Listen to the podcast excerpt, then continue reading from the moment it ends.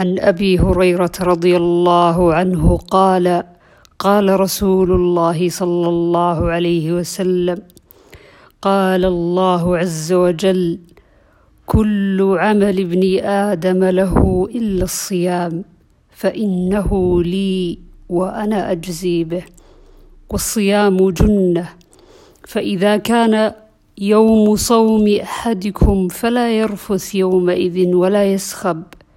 فإن سابه أحد أو قاتله فليقل إني امرؤ صائم. والذي نفس محمد بيده لخلوف فم الصائم أطيب عند الله يوم القيامة من ريح المسك.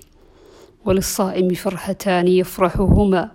إذا أفطر فرح بفطره وإذا لقي ربه فرح بصومه.